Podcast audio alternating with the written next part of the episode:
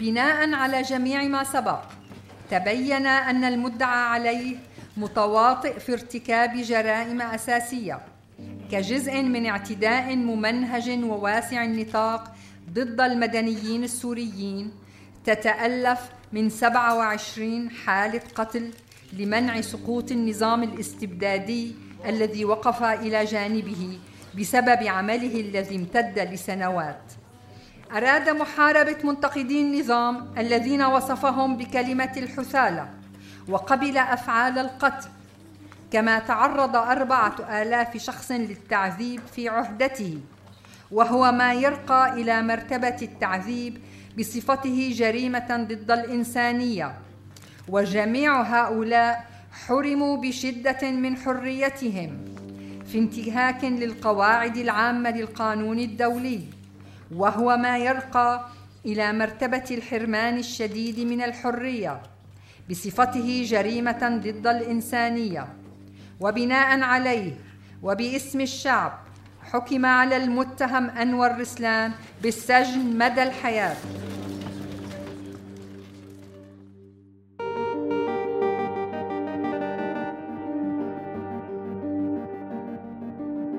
بودكاست الكاتبة.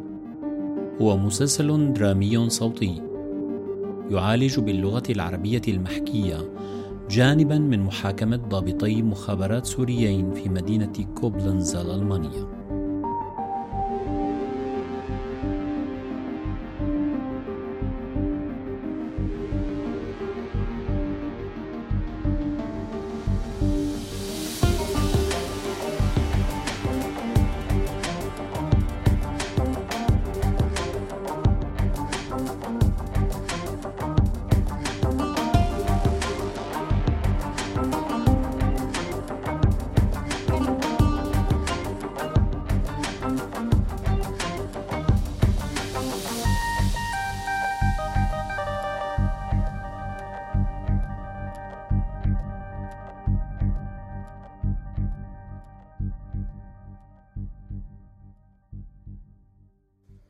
هدول كومة معلومات. أخوك آخر شي كان بمشفى 601 إمتى عرفت هاي القصة؟ وليه ما خبرتني فيها؟ هو أبوك؟ أبوك اللي توفى من شهرين. كيف ممكن ما تخبرني هيك شي؟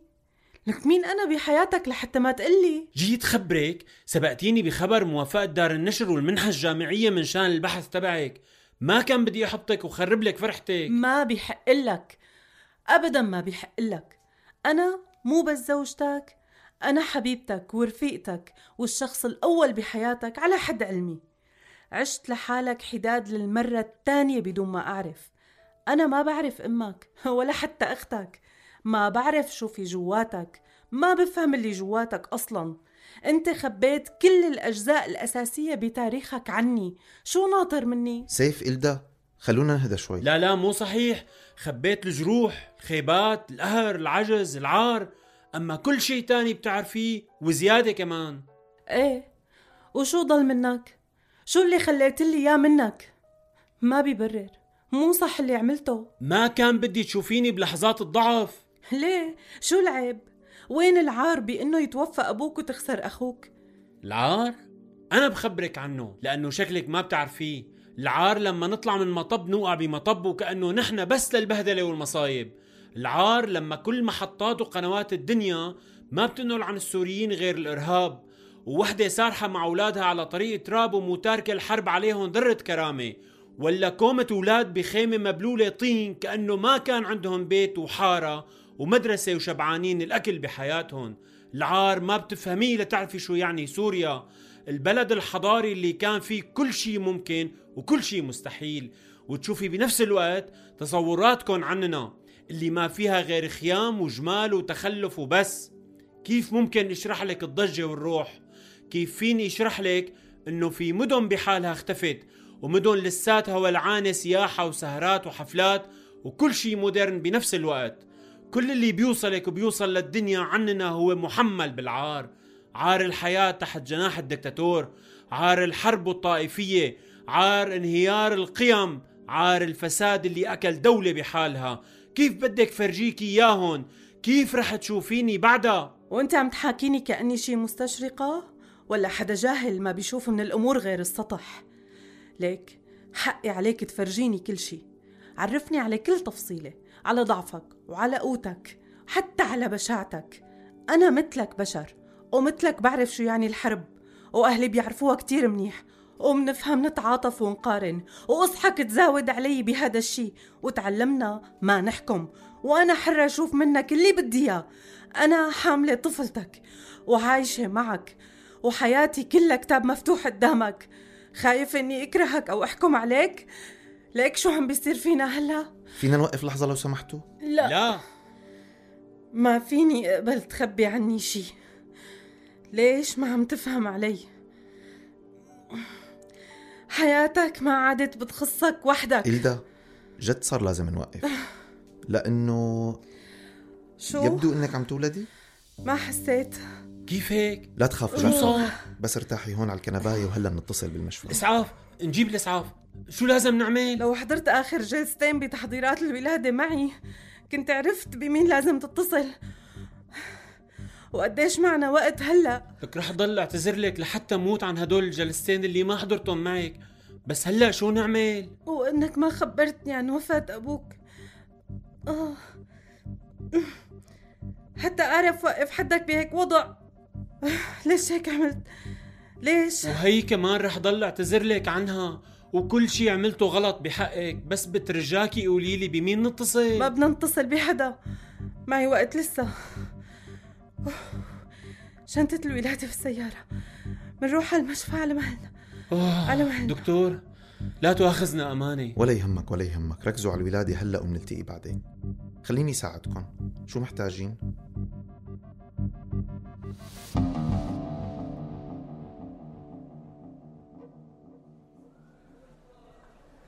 حبيبي يا ماما معلش يا روحي. المهم إني سمعت صوتك كنت حاسة فيك وخايفة عليك. سامحيني. سامحيني يا أمي. ما كنت قدران أعمل شي ولا حتى كون جنبك. يا روحي مو زعلانة منك. أنت هلأ نورت لي قلبي بهالخبر. عملتني تيتا وعطيتها من حروف اسم أخوك حرفين. بكفيني. بيطمني وبرجع لي إياك ويفرحني فيك. صرت بابا يا سيف. إيه صرت بابا. وحسيت فورا بكل وجع لكل أب. بتوجع يا أمي. بتوجع كتير. بس شفتها عم تبكي ومادة إيديها للدنيا بس حملتها وحطيتها بحضن أمها. الحقيقة ما أجاني غير البكي على أبي على أخي على كل مين ضيع قريب. على اللي صار فينا بهالبشر كيف في حدا بيجي قلب ياخد حياة ينهي حياة؟ لك شو هالقسوة اللي عشناها؟ ما بتنوصف يا روحي ما بتنوصف. مشان هيك بلحظات الفرح القليلة ركز على الحلو فيها. اشربها كلها. ولا تضيع فرحتك بالزعل. روح كون معهم حبيبي. خدهم بحضنك ودير بالك عليهم. وطمني يا مامي ضل طمني.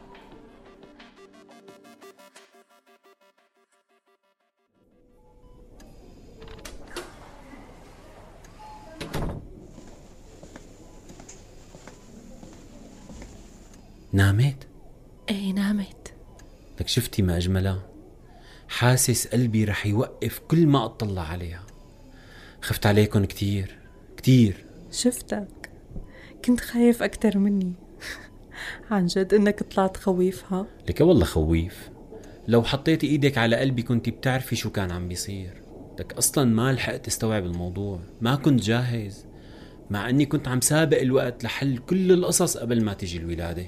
بهيك أوضاع ولا مرة منكون جاهزين. أنتي.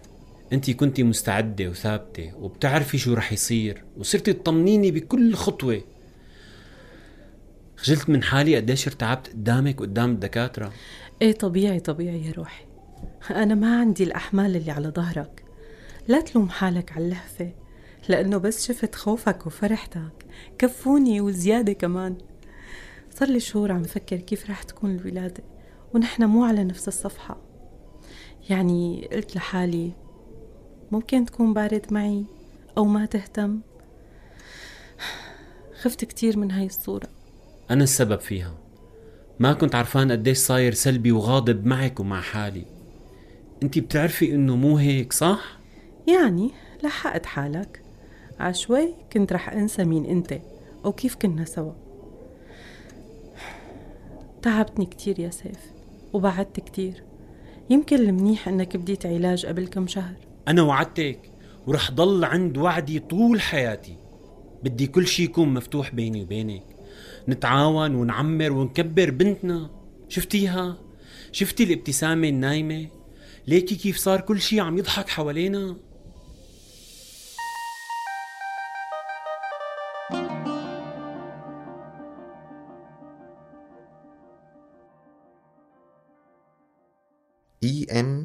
ار اي ام دي ار هذا مختصر لنوع علاج جديد نوعا ما.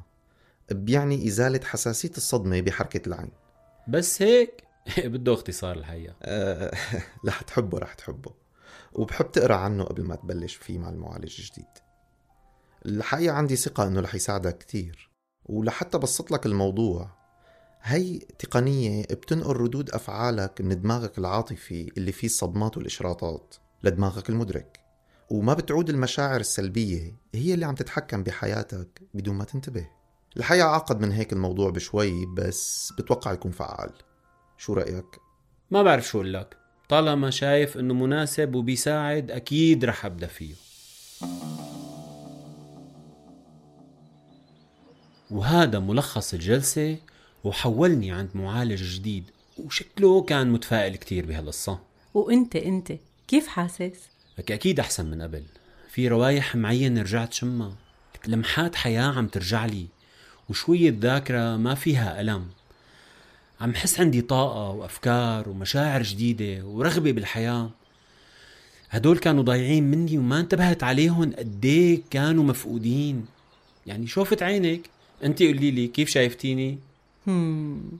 صاير أحسن. بس كمان صاير نصاب ها؟ يعني رح يصير عمرها أسبوعين بنتنا ولهلأ ما خبرتني عن لوحتين اللي كنت مخبيهم عني. ما نسيتي يعني؟ أنا ما بنسى شيء هدول تحديدا كنت مخبيهم مفاجأة إلك. شرفي. يا ستي هي أول وحدة خلصت. هي لحظة النطق بالحكم. حاولت كل شي حكيتي لي إياه كل شي شفته بالمحكمة حطهم بهي اللوحة. ما بعرف إذا رح يوصلك. إيه إيه طبعا طبعا. وصلني يا روحي. إف شو فيها؟ سميتها مدى الحياة. هي لما قفشتيها كانت لساتها سكتش. كملتها بعد الولادة. كنت محتاج شوف ملامح بنتنا لكملها. وهي النتيجة. جاهزة؟ جاهزة. يا الله يا سيف. ما أحلاها. وجعتني. هيك بتشوفنا؟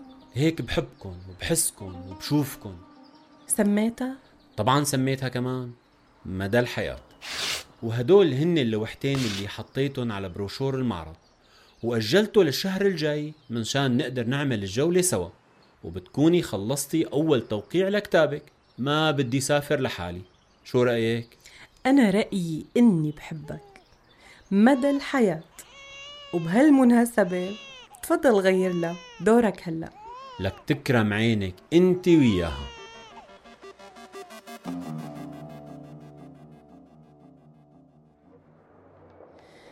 بعد ما كان إلي سنة ونص عم وثق أحداث المحكمة اكتشفت إنه زوجي الرسام السوري سبق وفقد أخوه القاصر بوحدة من المشافي يلي كانت أشبه بمعتقل ومصيره مجهول لحد اليوم.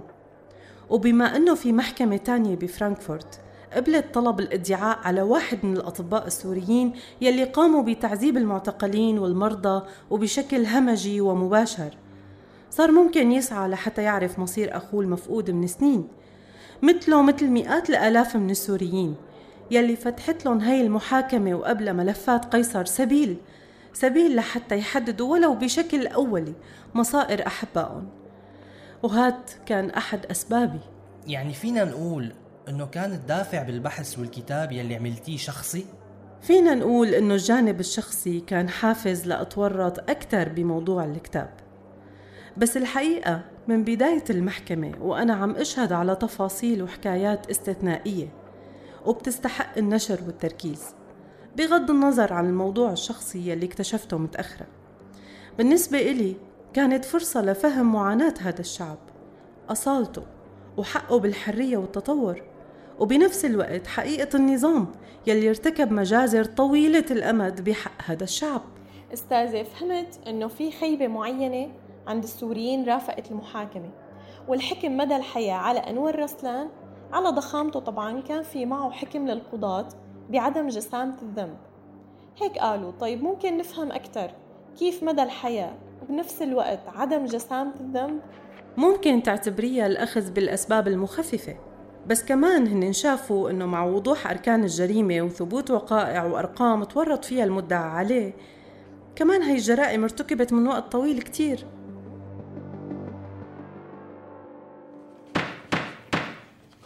وبالإضافة إلى ذلك يجب أن يحسب لصالح المدعى عليه أنه لم يرتكب الجرائم بيديه. ولم تكن هناك سوى نية محدودة فيما يتعلق بعمليات القتل.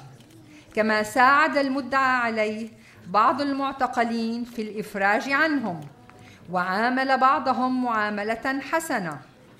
وبينما كان يؤمن بتبرير النظام السوري كمثال لفرض النظام فقد أراد الامتيازات التي تحققت بسبب منصبه. لذلك يعتبره القضاة انتهازيا. وقد اعتبروا ذلك أيضا سبب انشقاقه ومع ذلك لا يوجد ما يشير إلى أنه انشق فقط على سبيل التظاهر. وقدم أنور اعترافا جزئيا وأبدى بعض الندم. وفي ضوء كل هذه العوامل لم يجد القضاة حالة استثنائية تتطلب الحكم بجسامة الذنب.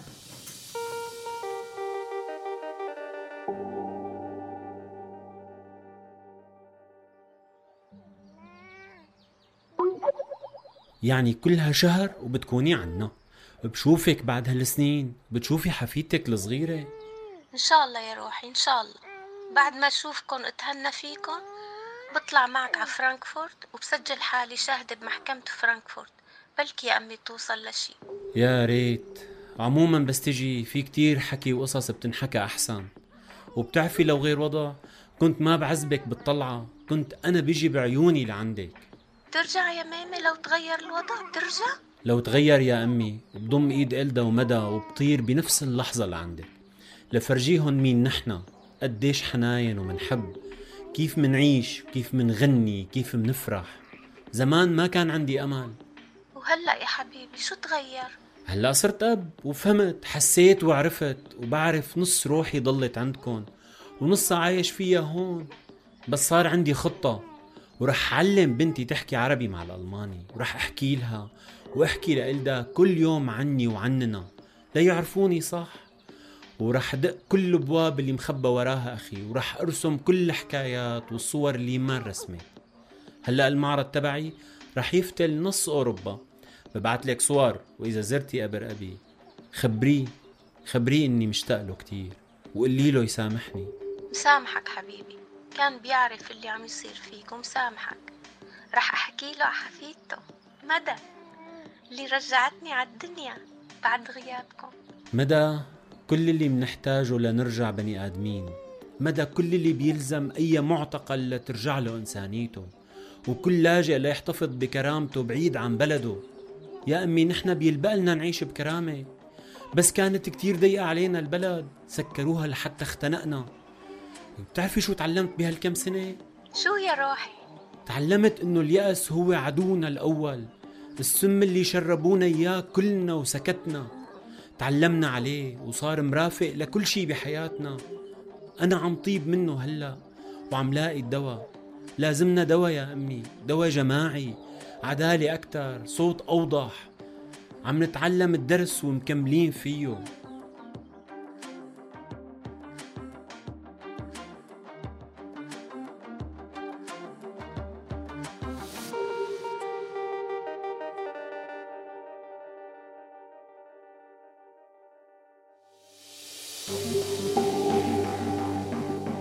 أنتج هذا المحتوى الصوتي بدعم وتمويل من مؤسسة هاينرش بيل.